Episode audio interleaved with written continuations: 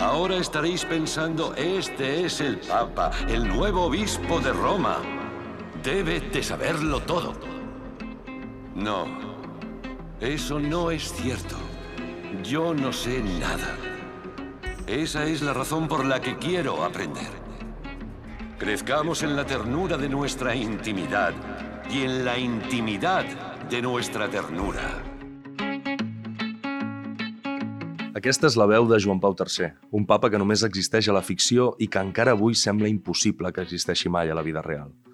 A la segona temporada de The Young Pope, titulada The New Pope, el director napolità Paolo Sorrentino va decidir crear per la sèrie un protagonista antagònic al seu predecessor, el papa Pius XIII interpretat per Jude Law. Si Pius XIII era jove, Joan Pau III, a qui dona vida John Malkovich, és vell. Si el primer es creu perfecte, el segon considera un valor als seus defectes. Si l'un sembla tenir un cor de ferro, l'altre és la sensibilitat feta persona. Tot comença quan Pius XIII, al final de la primera temporada, es desploma en un acte oficial i cau en coma. L'Església es veu forçada de sobte a trobar un nou bisbe per Roma. La segona temporada, doncs, comença amb la tria d'un nou papa que misteriosament mor. I per no espifiar-la de nou, una comitiva vaticana acaba viatjant fins al Regne Unit per proposar a dit el càrrec a Sir John Branox, un noble anglès amb un gust delicadíssim per la moda, un tarannà calmat i una aura més pròpia d'un poeta romàntic, hereu de Lord Byron, que no pas del proper papa de Roma. No és una persona extremadament delicada per ser papa, eminència? Pregunta un dels emissaris vaticans Angelo Voglielo, secretari d'Estat del Vaticà, que és el principal valedor de Branox. El Vaticà necessita feminitat, respon el cardenal. En una de les escenes següents, durant una conversa privada, la cap de premsa vaticana pregunta a Branox com és la reina d'Anglaterra en la distància curta. I ell li diu que és encantadora perquè és pàl·lida. Després d'aquesta afirmació plena de poesia, la conversa es talla perquè una de les nores d'Elisabet II truca al mòbil de Branox. És Meghan Markle, senyor. No sap què posar-se avui, diu el secretari del futur papa. Hola, Sí, ponte el amarillo de Dior, porque acentúa el contraste con tu complexión. No. No, Megan. Hazme caso. Ponte el amarillo de Dior, como te digo. ¿Era Megan? Desgraciadamente sí. Quieren ser influencers y no tienen la menor idea de combinar el color. Me llama 25 veces al día para consultas de belleza. Jo no sé si la meva convidada d'avui ha vist The New Pop, ni tampoc sé si sent una admiració eh, molt profunda o no pel personatge de Joan Pau III. Però sé que és una de les assessores de comunicació no verbal més reputades d'Europa i que si fos per Paolo Sorrentino, Meghan Markle la trucaria cada dia 25 vegades. A part d'assessorar persones del món de la política, l'empresa, l'esport o la comunicació, Patricia Centeno és també escriptora, el seu perfil de Twitter, Política i Moda, és una delícia per descobrir el poder d'un color de roba, un tipus d'ulleres, una gesticulació facial o una postura en qualsevol líder mundial. Precisament de lideratge parla el seu quart llibre, Poderio, editat per Destino i que és un fabulós assaig sobre el lideratge femení. Una oda a la feminitat i a la demostració que un altre tipus de lideratge és possible.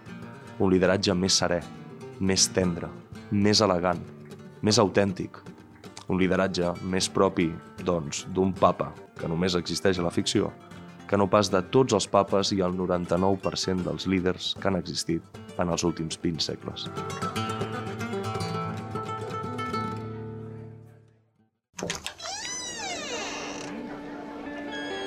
Endavant. Passeu, passeu. Aquí el temps no existeix. No hi ha futur i tampoc passat, simplement present.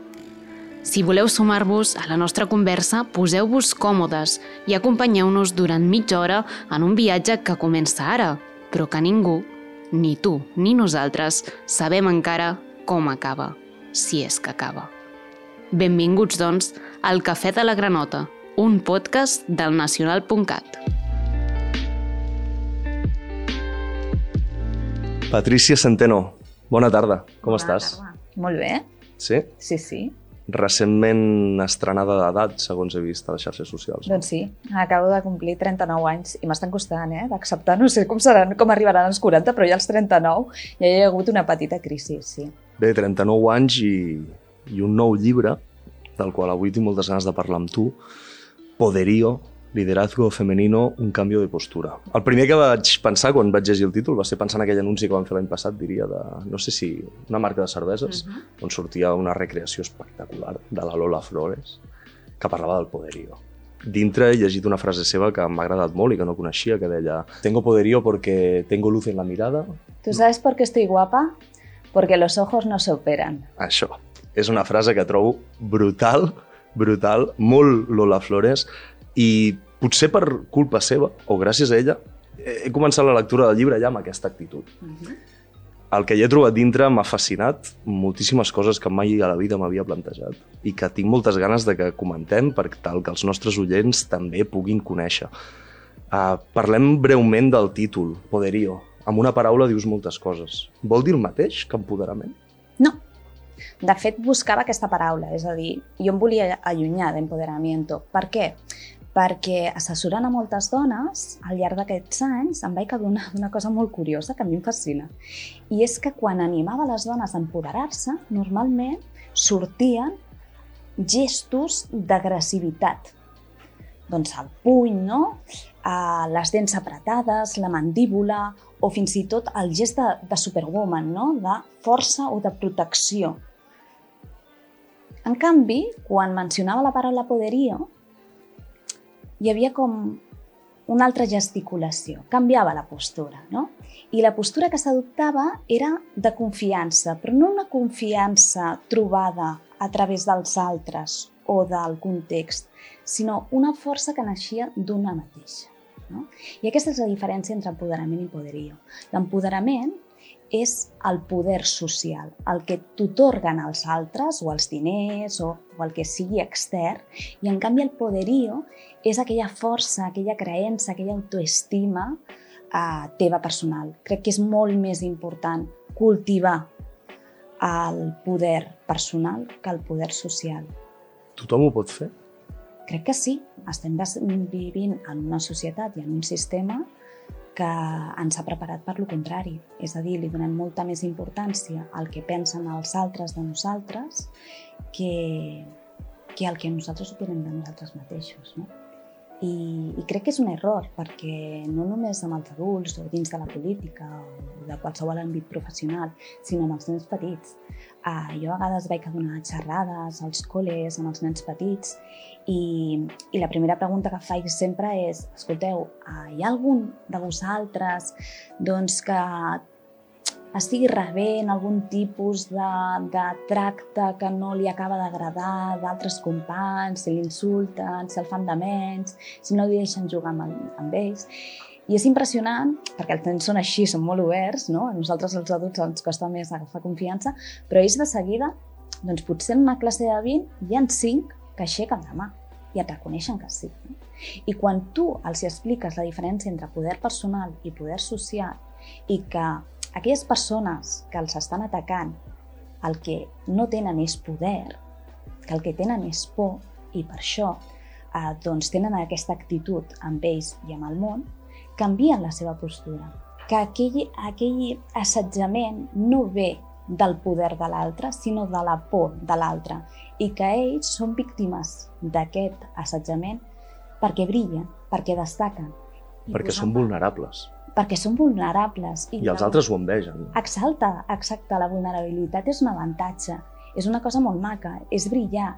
Uh, hi ha la Diane Britland, que era una editora de moda, que m'encanta, em fascina, la primera gran editora de moda, i ella deia que les imperfeccions són gran oportunitats per, per destacar en aquest món, no? en el que tots som iguals o volem ser iguals. Per tant, hi ha coses que s'han de posar en valor, la vulnerabilitat, eh, la sensibilitat, el poder personal, eh, o fins i tot això, no? el, el fet de, de tenir imperfeccions. Les imperfeccions en realitat són benediccions. Eh, les imperfeccions les entenem com una amenaça. Uh mhm. -huh. I tu el que m'estàs dient és que les imperfeccions, els errors, mhm. -huh. les coses que no estan bé o les quals potser no ens sentim còmodes, són una oportunitat. Mhm. -huh. Clar, això és un canvi de paradigma a nivell cultural. és un canvi de postura i, i això és, el, és per lo que aposta el lideratge femení. És a dir, si hem de canviar el sistema, molts cops no? es parla de hem de canviar el sistema heteropatriarcal, però clar, continuem amb les mateixes formes, les mateixes estructures, la mateixa concepció de certs conceptes. És molt difícil canviar així. O sigui, quan tu has de canviar, has de canviar la teva manera de fer per trobar eh, doncs un canvi real. I aquí no ho estem fent. A vegades es parla molt del llenguatge i jo sempre recordo el mateix, o sigui, al final les paraules, el ressò que tenen és d'un 7% dins d'un missatge. La resta és comunicació no verbal. Per tant, li hem de donar importància a les formes, i les formes afecten a tot això, a l'estètica, al comportament, al llenguatge corporal, als protocols, a les coreografies, a les escenografies, en com ens col·loquem, com ens recol·loquem davant dels altres. És molt, molt important. Si no ho fem, no aconseguirem un canvi real. Des de que la civilització és civilització, els lideratges han, han estat mm -hmm. heteropatriarcals per norma Ah, ara parlaves d'aquests casos de bullying a les escoles, mm -hmm. de com uh, la vulnerabilitat és un, és un valor. Et trobes que l'ésser humà ha actuat amb violència contra les dones, contra el món, contra la natura, mm -hmm. per por? Totalment. És a dir, és un poder, aquest poder al que ens referim actualment i el poder que posa de manifest el lideratge heteropatriarcal és un poder basat en la por. En allò que no controla. És a la por a la vida. És a dir, jo crec que no sé ben bé com ens van enganyar, però ens van vendre que la persona que donava vida, la dona que donava vida i la natura, la terra que donava vida, això tenia menys valor que l'home que matava i l'home que anava a la guerra. I, I és un pensament, un plantejament que ens pot semblar com molt, molt antic, no? però actualment estem, veient, estem visquent una situació a, a Ucrània, no? i a Rússia i als Estats Units i totes les grans potències que ens estan plantejant el mateix. És a dir, en comptes de prioritzar la vida, una solució diplomàtica a un conflicte, encara tenen la mentalitat de que al 2021 existeix la possibilitat d'anar a una guerra. Estem bojos. Estem realment bojos.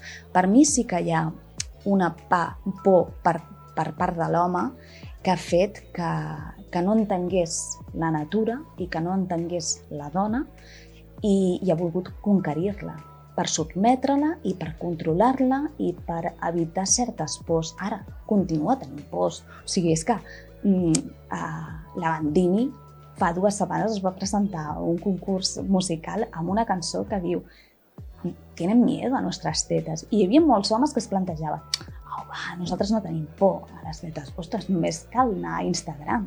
O sigui, nosaltres no podem ensenyar els nostres pits i vosaltres sí. Per tant, sí que hi ha molta por, molta por, molta por.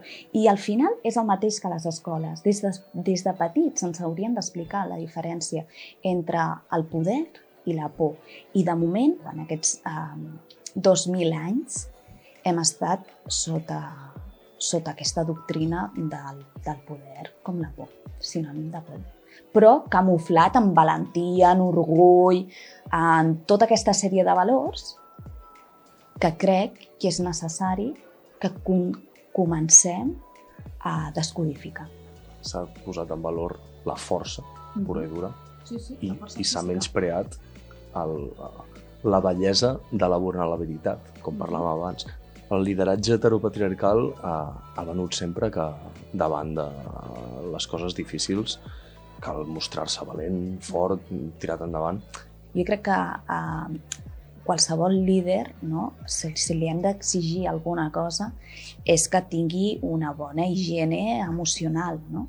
Per tant, eh, que em vingui una persona i em digui doncs això, no? el plantejament de, de prioritzar la guerra o, o posar en valor els diners per davant de la vida. No? Ho hem vist amb aquests dos anys de confinament. Hi havia gent que et deia no, és que o has de triar l'economia o has de triar la salut. I dius, escolta, no, no ho estem entenent. No? O sigui, som tan rucs.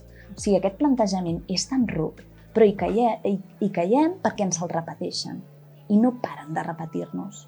I al final que, caiem en el parany. Però ja em diràs tu, o sigui, que se't presenti un líder i et digui escolta, no has de plorar, no has de tenir pors, uh, has de ser dur, uh, aquest plantejament de tot o xafes o t'aixafaran, no? Que des de petits ens diuen, o sigui, o piques tu primer o els altres piquen.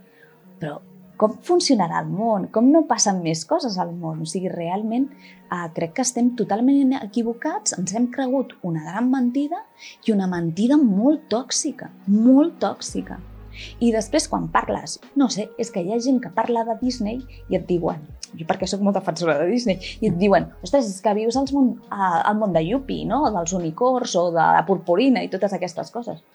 Ja, però és que jo visquent en aquest món no et faig patir a tu. En canvi, en aquest món que se'ns ha creat, ens està fent molt infeliços a gairebé tots, inclosos ells mateixos. Estem visquent de la por, tu en, en el teu llibre expliques que el lideratge heteropatriarcal, aquest lideratge que ha regit el món des que el món és món gairebé, ha, es fonamenta sobre valors eh, com la seguretat, la serietat, la proximitat, i per contra ho contraposes amb el lideratge femení, on allò que mana és la serenitat, la tendresa, l'elegància, T'he preguntat això de que els líders no ploren perquè segurament tinc 33 anys i segurament fins Barack Obama no havia vist mai un líder plorar, ah, en excepció de Josep Lluís Núñez i algun cop que Jordi Pujol s'havia emocionat, potser, però la meva memòria no em tira el cap a més. Uh, gràcies a Déu, no sé si estàs d'acord, uh, cada cop anem més cap a lideratges femenins, com tu pregones. És així? Podem ser optimistes en aquest sentit? Jo crec que sí, estem visquent una espècie de transició i per mi el lideratge femení no és una moda ni és una tendència. Jo, per mi, el lideratge femení és la darrera oportunitat que tenim uh, per salvar el món. És així de clar, eh? Uh, vull dir, ens estem autodestruint amb aquest tipus de lideratge heteropatriarcal i cada cop el veiem més a prop, no? aquesta fi. Eh, per tant, per una banda sí que sóc molt pessimista, però per l'altra sóc molt uh, optimista perquè veig que hi ha canvis. Uh, això que em comentaves del Barack Obama, és que fins fa 10 anys a qualsevol home o a qualsevol líder se li deia, escolta, és que tu no pots plorar, però no, no només no pots plorar en públic, és que no pots somriure de manera sincera, perquè si no pensaran uh, doncs que ets una persona dèbil. I això no t'ho pots permetre és un luxe, no? Doncs, uh, per mi sí que Barack Obama va ser un dels, dels primers uh, que va posar en valor el lideratge femení i, i em sap greu, eh? perquè és un home. O sigui, va haver de ser un home el que posés uh, un pioner en el lideratge femení. Ara, clar, ho tenia més fàcil. És que fins i tot per això els homes ho tenen més fàcil. Um, una dona ens hem estat autocensurant durant tant de temps, no només que ens censuressin des de fora, sinó nosaltres també internament. Encara ara ens autocensurem per no donar aquesta impressió no? de sexe dèbil. I, I aquí també, no? aquesta diferència entre apoderament i poderio, també la diferència entre debilitat i vulnerabilitat, que no són uh, sinònims. La debilitat és que tu et faci mal alguna cosa i no tinguis eines per combatre-ho. La vulnerabilitat és assumir que som éssers que sentim i que ens poden fer mal. I aquelles coses que ens facin mal, doncs poder-les gestionar. Crec que són dos conceptes molt diferents i que si comencéssim a assumir ens aniria a tots molt millor. Abans d'Obama eh, hi havia hagut dones líders al món, poques, però n'hi havia hagut, penso en Margaret Thatcher, per exemple. Uh, tu comentes que aquestes dones, per arribar a primeríssima línia, no només havien hagut de masculinitzar-se, sinó que fins i tot s'havien hagut de desfeminitzar. Totalment. Thatcher és un exemple bastant clar. Clar, perquè molts... molts jo no la vaig veure, però... No, jo tampoc, jo era molt petita, eh? però, però sí que me'n recordo, o sigui, de la seva imatge, i després l'he estudiada perquè, perquè òbviament, és, és una de les, de les grans líders uh, no ja només dins de l'àmbit femení, sinó també eh, del, del lideratge mundial. És això, és que quan ens diuen que ens hem de masculinitzar, que normalment no és tan explícit, o sí, oblidem que també ens estan demanant que, ens, que deixem de ser femenines. I no només les dones, sinó també els homes. Ara, totes aquestes dones que es van haver de masculinitzar, perquè si no, o sigui, el patró estava construït per homes i per a homes, i per tant, l'únic que podies fer era imitar, emular, també perquè no teníem referents. No teníem referents visuals. I encara ara costa trobar referents uh, visuals de dones femenines. Costa moltíssim, ara cada cop n'hi ha més. En aquell moment no n'hi havia. I Thatcher, eh, tot i així, eh, quan ella decideix presentar-se a les eleccions com a candidata, eh, els seus assessors, això s'ha explicat mil cops, però els seus assessors li diuen, bueno, si t'has de presentar has de canviar el to de veu, has de deixar aquests barrets que portes, les collar de perles i la bossa de mà.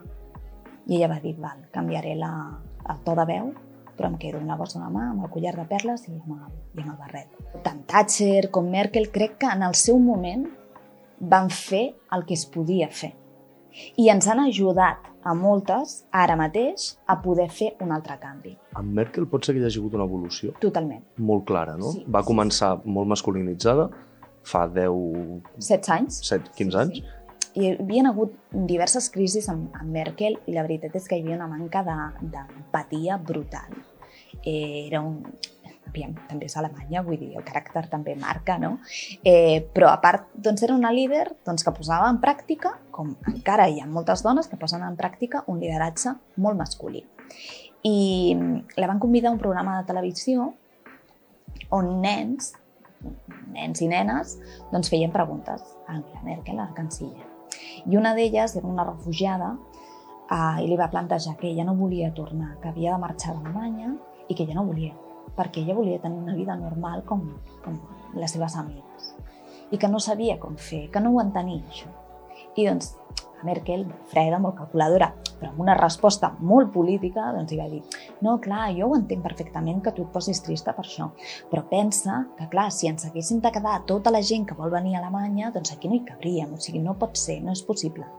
Doncs allà li comencen a caure a les llàgrimes i Merkel se li transforma la cara. O sigui, en aquell moment se li parteix alguna cosa per dins i s'apropa a ella i li diu ho has fet molt bé. Fixa't el que li diu. Eh? No ho has fet molt bé. Reconeixement extern. És a dir, el teu poder resideix en que la canciller o qualsevol persona o els que t'estiguin mirant és que tu ho has fet molt bé. I doncs el presentador li diu, canciller, penso que no està plorant per la seva intervenció, està plorant perquè la seva situació familiar és molt complicada. Diu, ja ho sé, ja ho sé, per això m'he apropat i he volgut tocar-la, tocar-la, no? Que això ja seria més lideratge femení. A partir d'allà, de llavors, va fer un canvi espectacular. De Merkel deien que era la dona de gel i jo crec que sí que a, a, en aquell moment doncs, a, va haver-hi un desglàs. Hem parlat de Merkel, hem parlat de Thatcher. A, a mi m'agradaria preguntar-te per una sèrie de líders, de persones públiques de notòries, i, i si les poguéssim encasellar en, en quin és el seu tipus de lideratge. És evident que Vladimir Putin, ara que em ve el cap, eh, té un lideratge heteropatriarcal alfa, alfa no? Uh -huh. Cavall, etc etc. Abans que parlàvem de plorar, eh, ho expliques al llibre també. Santiago Abascal, uh -huh. comentes que els seus pares tenien una botiga a Euskal Herria, uh -huh. van patir un atemptat d'ETA, uh -huh. i quan ell va arribar a la botiga es va trobar a son pare desfet i li va dir eh, tranquilo papá, que no nos iremos del País Vasco porque es nuestra casa. Te quiero, te quiero mucho. Te quiero mucho, i què li va dir el pare? Va agafar, cállate coño, i li va empènyer contra la paret, el va llançar contra la paret. Uh, y él ho justificaba, ell ho explicava com dient, claro, porque le hice lo hice emocionar al pobre. No vaya a ser que se ponga a llorar, no? Clar, però això a mi m'agrada molt sempre anar a la infància dels líders, no? És allò de què ha passat a la teva vida perquè ara et comportis d'aquesta manera. Jo crec que al final moltes de les nostres respostes actuals també passen per, pels primers anys de, de vida que són molt importants per, per, per fer la persona.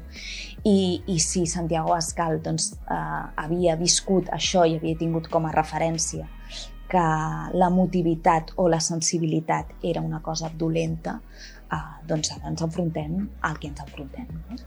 Entrant al terreny femení, eh, segurament si t'he de preguntar qui és per tu ara mateix la líder política que que més brillen els seus valors eh, femenins.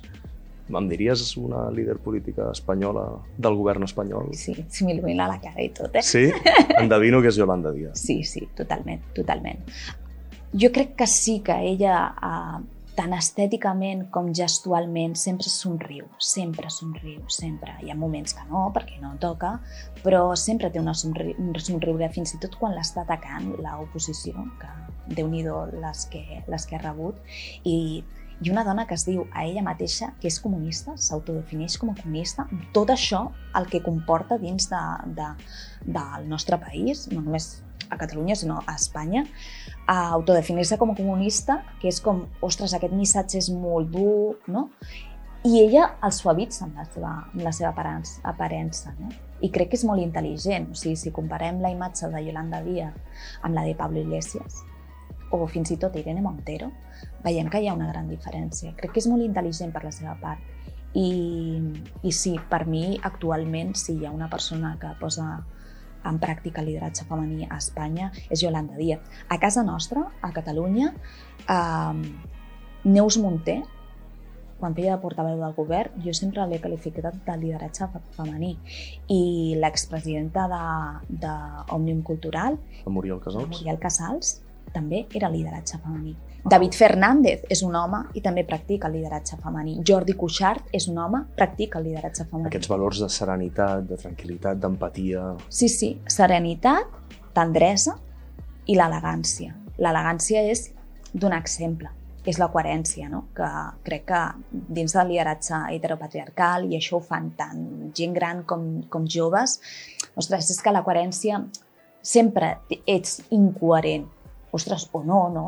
Vull dir, uh, jo crec que donar exemple per un líder hauria de ser una cosa tan de dins que seria com respirar, o sigui, no t'ho planteges. És que, clar, 24 hores sent, donant exemple. Bueno, és que si se suposa que si ets coherent no t'hauria de costar, no? Et volia preguntar, has parlat de David Fernández i de Jordi Cuixart, uh, el lideratge d'Artur Mas era un lideratge prototípic heteropatriarcal o també tenia alguns aspectes de lideratge femení? Aviam, també hem de dir que dins del lideratge heteropatriarcal, que és un sistema, hi ha líders que són masculins, que no són tòxics. Val? Això també ho hem de posar en valor, per tant, no, no estic dient en cap cas, i el llibre tampoc eh, es diu que el masculí sigui nociu, no. O sigui, hi ha un tipus de masculinitat que és tòxica i és molt tòxica, i no només per les dones, sinó també pels propis homes. Um, Artur Mas, home, Ara em costaria trobar coses d'Artur Mas. Eh, potser sí, que era una persona que, jo que li donava importància a les formes. El recordo una vegada que el van convidar a Salva meva, alguna cosa així. O, o, a, o, a, o a, aquell, a, a Salsa Rosa, no, no me'n recordo, eh? fa molts anys, i, i ell es va posar a recitar poemes de Baudelaire. Uh -huh. I jo estava a casa meva pensant, aquest senyor que és el cap de l'oposició, què carai està fent a Telecinco recitant Baudelaire? I em semblava surrealista. I, I el meu pare em va dir es vol fer veure que és sensible per guanyar-se el cor dels catalans.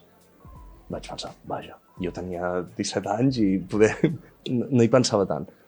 Però per això t'he preguntat, perquè poder el que transmetia era diferent al que havia transmès anteriorment el president Pujol, que, del qual ell se n'havia de deslliurar de l'ombra. Estem d'acord amb això, no? Uh -huh.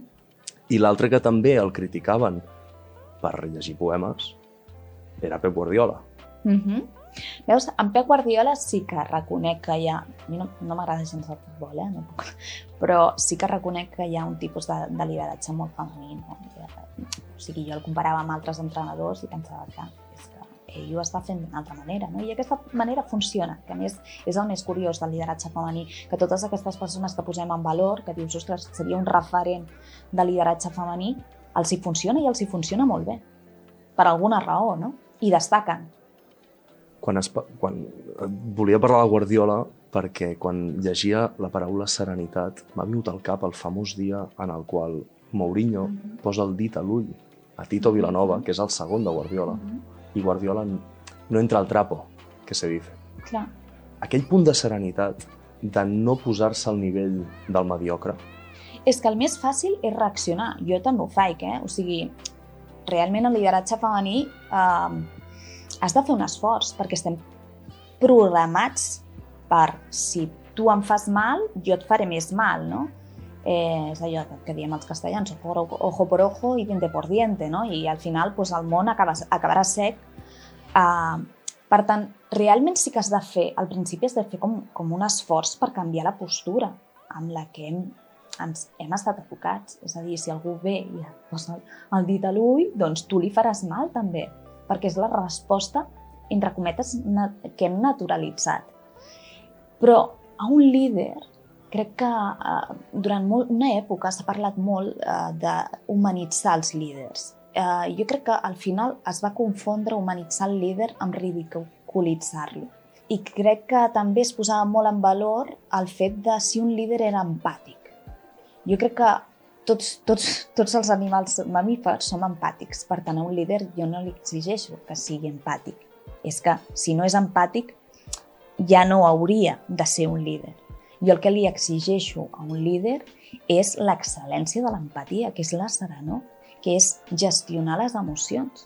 Clar, ara comentàvem això de la serenitat i he pensat en la consellera Vergés, uh -huh. quan van confinar la Conca d'Òdena i ella estàvem just a l'inici de la pandèmia, en aquell moment que als supermercats no quedava paper de vàter, en, en aquella mena de pànic inicial, i ella es va, es va posar a plorar, es va desplomar emocionalment davant de tothom perquè els seus fills, familiars, eh, quedaven confinats i ella no. I tu al llibre comentes que no vas acabar-ho de veure amb bons ulls.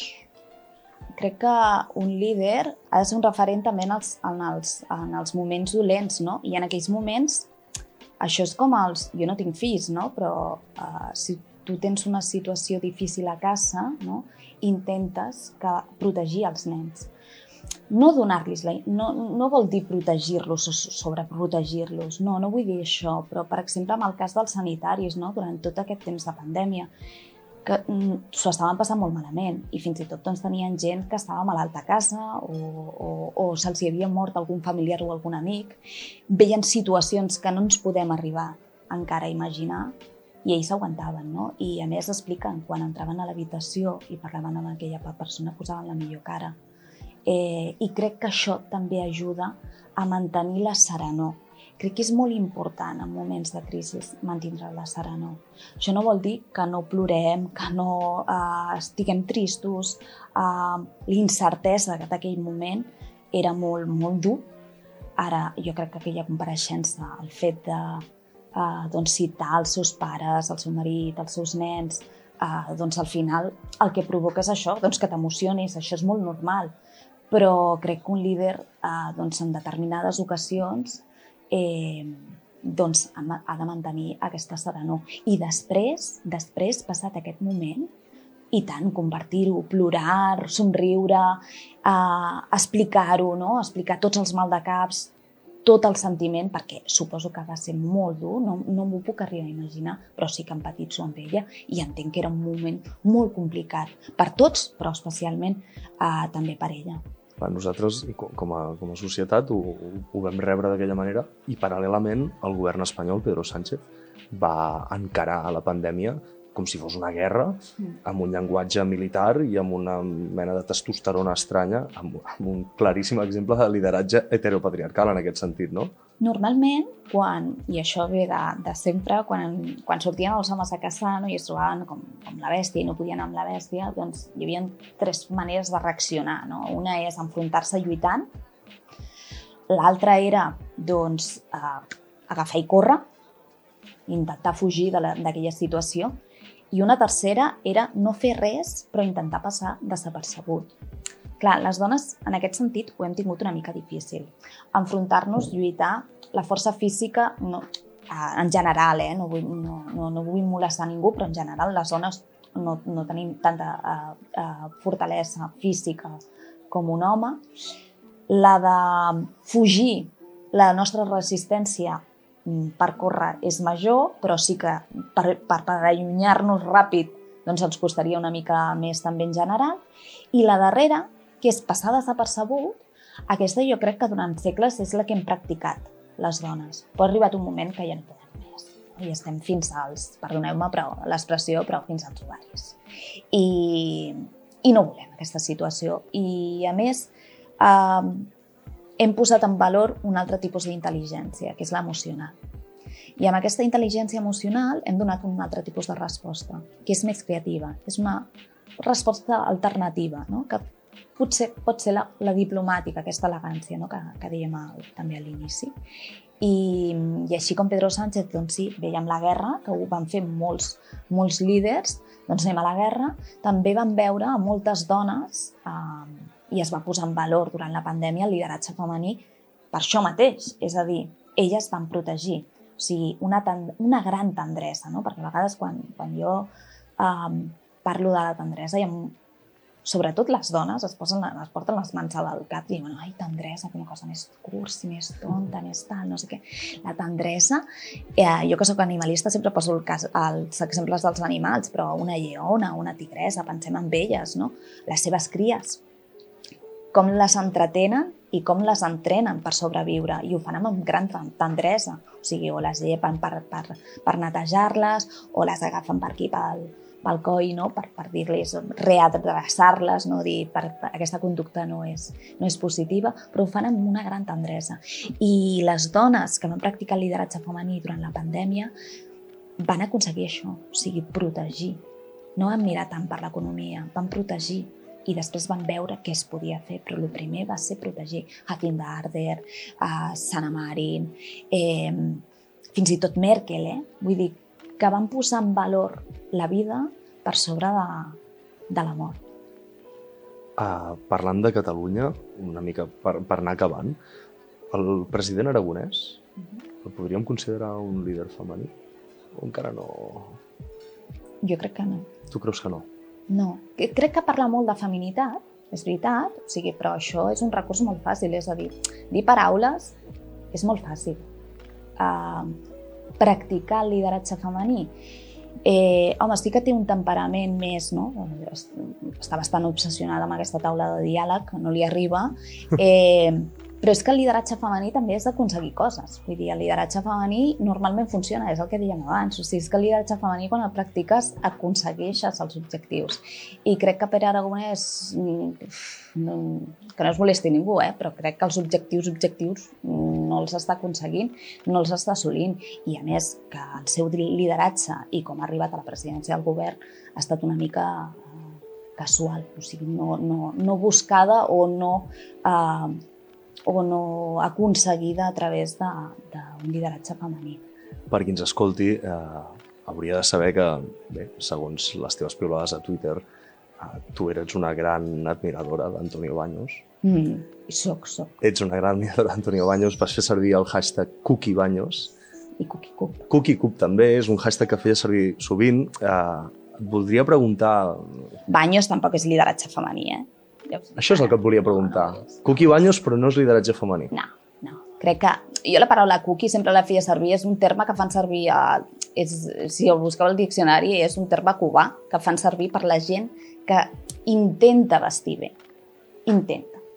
I, i, a, i a mi, jo sempre poso un valor, la gent, encara que no m'agradi el seu estil o no, però que fan un esforç per mostrar la seva millor cara, no només pels altres, sinó per un mateix, doncs a mi em fascina i és una persona superintel·ligent i, i jo me l'estimo moltíssim al Banyos. Ara, lideratge femení, doncs no, no seria, no seria. Jo m'atreveixo a fer una petita confessió personal, ja que has dit això, perquè confesso que avui m'he estat uns 25 minuts davant del meu armari meditant molt profundament quina camisa em posaria, perquè clar, una conversa amb Patricia Centeno em feia cert, cert respecte.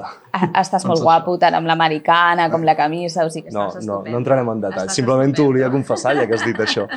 Uh, per acabar, quin... veus algun possible eh, lideratge femení a casa nostra de cara a un futur proper? Has parlat de Cuixart, però Cuixart ara sembla que ha fet un pas al costat. Eh, David Fernández també fa temps que va desaparèixer una mica de la primera línia pel que entenc, creus que Catalunya necessita un lideratge femení per avançar, per aconseguir coses i perquè és el lideratge que mm, més humanitzadament bé eh, pot fer prosperar el món, podríem definir-ho així? Sí, crec que... és, és l'evolució natural de l'ésser sí. humà per trencar amb... amb Ah, no sé si és l'evolució natural perquè, perquè l'evolució natural ha estat una altra o, o, o, o la L'evolució positiva. Sí, l'evolució positiva segurament, però sobretot això, o sigui, per mi és que és la, la, la darrera oportunitat que tenim per canviar, per Veus? canviar aquest món i per salvar-lo. Veus possibles noms eh, que ara potser estiguin a segona línia o que la gent no conegui tant? Algú... No sé, penso en, en, en el Ruben Wagensberg, penso en la gent Díaz, penso en aquest tipus de perfils polítics més, més humils, més eh, anònims, potser, però que estan allà no ho sé, volia preguntar si en l'actual Parlament o en les files d'algun partit o en l'escena televisiva veus algú que dius, ostres, De moment no n'he detectat. no? No. És part de la teva feina, també suposo que t'hi fixes sí, bé. Sí, perquè la Yolanda Díaz, me'n recordo que això ja fa molts anys i es pot comprovar al, al meu uh, timeline de, de Twitter, que jo a la Yolanda Díaz la vaig, uh, la vaig descobrir, entre cometes, fa molts anys, molts, molts anys. De fet, encara no havia fet aquest canvi estètic, aquesta evolució estètica. I, i hi ha alguna cosa que, que sí, uh, a part de, de, de que és gallega, i a mi també em tira una mica la minya terra, però, però sí, hi havia alguna cosa que em despertava que aquesta dona ho estava fent d'una nova manera. A casa nostra no, però potser no m'he fixat bé. Eh? Segurament, segurament, segur que hi ha gent que està empenyent i que ho està fent d'una manera molt més femenina. Molt bé, doncs, havent parlat una mica del llibre, m'agradaria fer-te una sèrie de preguntes que sempre fem a la segona part del, del podcast, unes preguntes una mica més directes. Les pots respondre de manera molt llarga o de manera molt breu. Sembla en resistència. No, no, no, no tant, no tant. Vale. Però bueno, és, és una petita secció que es diu La Quiniela, és per conèixer una miqueta més el personatge més enllà de la seva obra i, i si t'hi atreveixes ho tirarem endavant. I tant, ho intentarem.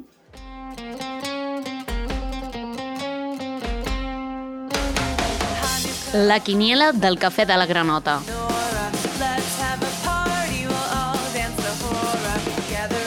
15 preguntes fàcils de fer per 15 respostes difícils de confessar. Playing, the candles are burning low. A sweet light to remind us of days long ago. Aviam, Patrícia, què fas a la nit quan no pots dormir? Ah, què faig? Tens problemes de son? Doncs no, n'havia tingut durant molt de temps uh, i ara celebro cada dia que dormo, dormo molt, el meu xicot em diu que, que dormo moltíssim. Que sí. I a més és que jo sóc com els nens petits o com els animals, eh? Jo, la foscor és anar a dormir i doncs em desperto amb la, amb la llum del dia.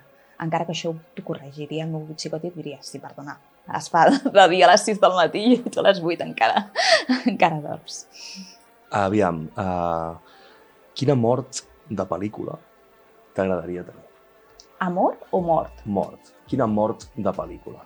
És una pregunta macabra, però Ostres, doncs saps que m'agradaria molt? Soc un superromàntica. Sí, això quedarà supercursi. Però bueno, com estem celebrant la feminitat, doncs la, la cursilitat també ho posarem en valor. Uh, doncs m'agradaria a tenir un final com el del diari de no. O sigui, uh, adormir-me no? i morir amb la meva parella. jo, si em fessin aquesta pregunta, sempre ho explico als convidats. Tinc, tinc gravada la pel·lícula de Michika quan li pica l'abella Ah, i es mor. oh, però jo m'ho vaig passar fatal amb aquesta Jo, pel·lícula. jo sóc al·lèrgic a les abelles i des de, que, des de petit he tingut sempre la, la por a morir d'aquesta manera i al principi la trobava absurda i a mesura que em faig gran mm, no la trobo tan... No? No, Ostres, jo que amb aquesta pel·lícula... A més, dins l'absurditat li trobo bellesa. Uh, suposo que ara te n'aniràs per les branques, però demano una petita exclusiva, aviam si podem saber alguna cosa inconfessable de tu. Alguna cosa que hagis fet a la vida i que et faci certa vergonya confessar, o que no hauries de confessar, o que la gent digui, en sèrio que Patricia Cente no va fer això? És que hi hauria tantes coses. Doncs digue'm en una. No ho sé, eh, ara no se m'acut cap, però sí que és veritat que molts cops a casa meva se'n riuen de mi i diuen, ostres, política i moda, política i moda i, i aquí estàs, no? O sigui, sí, suposo que sí, que moltes, moltes, no sé, eh, doncs algun dia que, que estic una mica de baixona i, i, i, i no m'arreglo o, o dies escrivint aquest llibre que segurament he, he passat fins, fins al migdia amb el pijama, amb, el pijama perquè, perquè m'aixecava a les 4 o a les 5 del matí per escriure i doncs potser se'n feien les 11 i continuava amb el, amb el pijama. Ah, sí, el pijama supermono. Sí, escriu, escrius en pijama. A vegades sí, sí. Seria sí, una sí. confessió. Sí, sí, sí, sí. Ah, de, amb barret de borla o sense? No, sense. Què faries amb un milió d'euros? Potser els tens, eh? Però... Què faria amb un milió d'euros? Doncs mira, el que faria és donar diners a ma mare i als meus germans, um, agafar un avió, anar-me'n a París i començar a comprar roba com una boja. Això seria el primer que faria. Ho tinc molt clar, eh? perquè, perquè ho he somiat molts cops. Ets, ets compradora compulsiva de roba? No, no. Mm, Per això dic que marxaria a París. Has llegit l'últim llibre de la Marta Riozo? Sí, La moda justa. Sí, sí, sí, sí. Sí, és un tema que, uh, que m'implica. Eh, ja fa molts anys uh, que parlo de la moda sostenible, no només sostenible, sinó de la moda ecoètica. Eh, crec que no només serveix doncs, allò del cotó orgànic o certes garanties, sinó que també ha d'anar en funció dels nostres valors. I, per exemple, la crítica que li faig a Yolanda Díaz és aquesta. O sigui, és una persona que diu que compra Zara. Clar, una persona d'esquerres comprant a Zara, jo no ho entenc. És incoherent. Totalment. O sigui, és a dir, Inditex, eh? o Mango, o totes aquestes uh, cadenes de producció ràpida, al final és que no només mm, el, provoquen aquest problema mediambiental, sinó que no respecten per res uh, els drets dels treballadors, però tampoc respecten els drets uh, culturals, no? d'autor. Estan copiant, estan copiant, estan massacrant la, la creativitat i la originalitat. Per tant, crec que uh, molts cops es fixen només en aquesta sostenibilitat i ens hauríem de fixar en altres coses. M'agradaria explicar als oients, ara que parlem de moda, que avui el, hem traslladat el Cafè de la Granota a un espai que té molt a veure amb el món de la moda. Estem a l'espai Gratacós de Barcelona, al carrer Riera de Sant Miquel. Per què creus que t'he portat aquí a fer el podcast? perquè és molt bonic.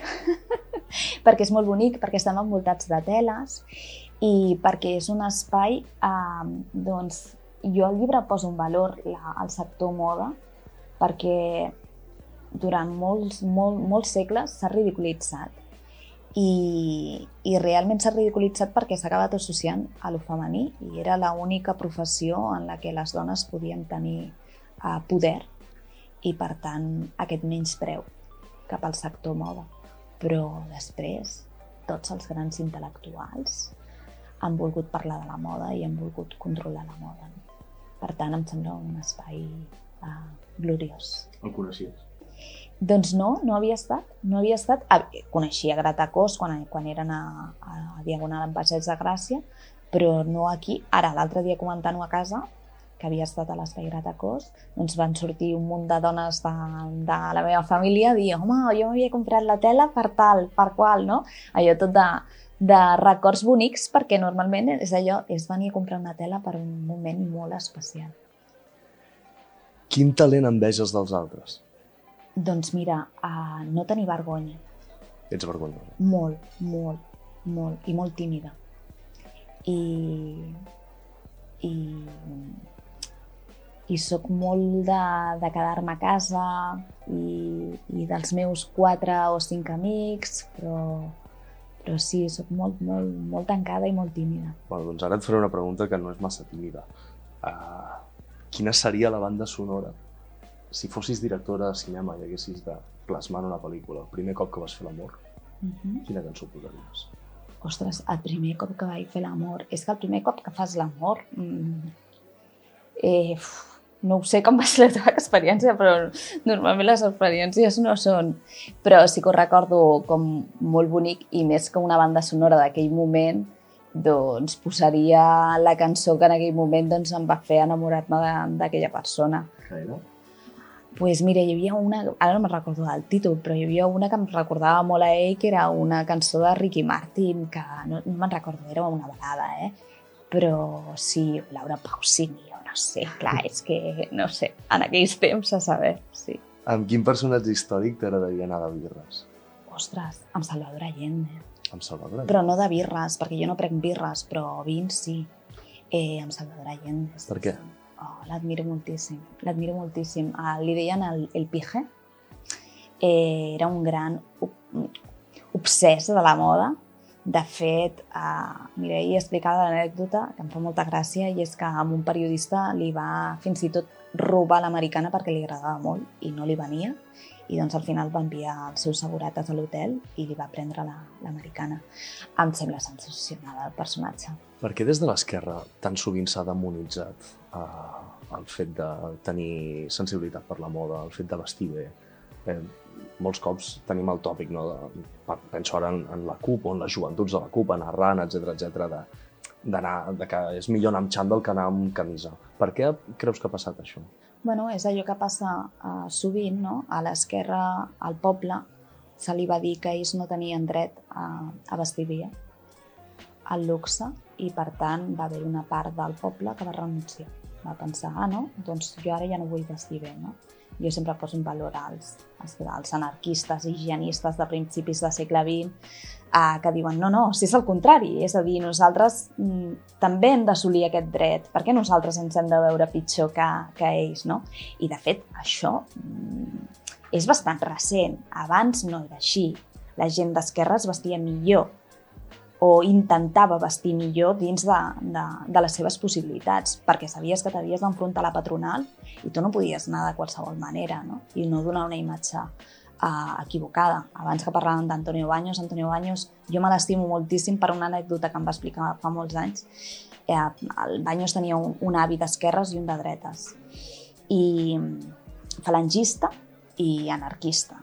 I l'anarquista cada diumenge es posava corbata i s'arreglava. I ell era petit i preguntava per què t'arregles tant, no, el diumenge? I doncs ell explicava volen que, volen que vestim com a pobres perquè volen que pensem com a pobres. I crec que l'esquerra s'ha de reconciliar amb, amb tot això, igual que les dones ens hem de reconciliar amb la feminitat, perquè molts cops l'acabem condemnant, no?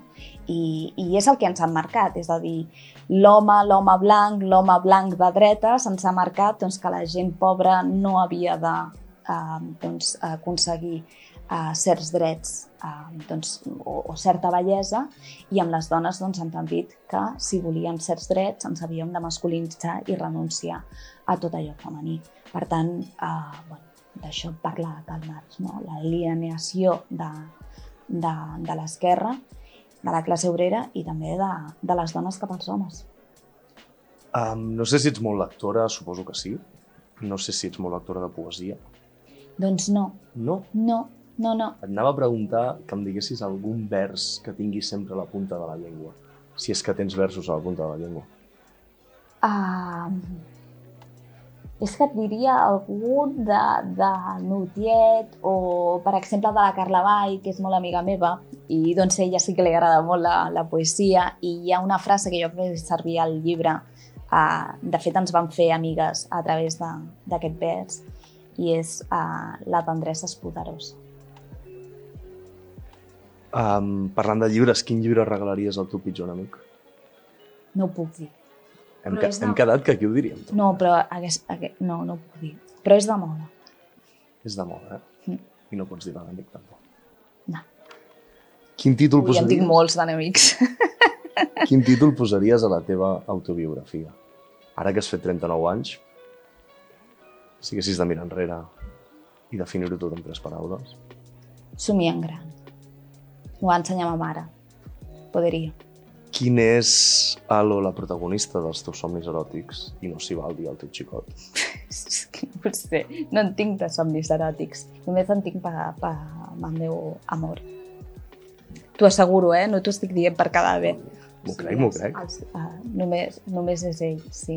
Jo quan m'enamoro, m'enamoro molt. Sí, sí, sí. On has celebrat els 39 anys, si puc preguntar? A Roma? A Roma. Ciutat de l'amor o és París? Per mi, sí, París és la ciutat de l'amor, però, però sí, Roma també, no? Roma és la ciutat de l'amor, la ciutat eterna, eh, però jo tinc un vincle molt especial amb París. Per mi, a París sí que ho encarna tot. És la meva ciutat. Doncs res, eh, l'última pregunta sempre la faig, és te'n penedeixes d'alguna resposta que m'has donat? Doncs segurament de la de mm, d'haver fet l'amor i tal i qual, això m'ho podia haver estalviat. Però en línies generals has estat còmode? Crec que sí, sí, sí, sí. Doncs moltes gràcies per tot, Patricia. A vosaltres, gràcies.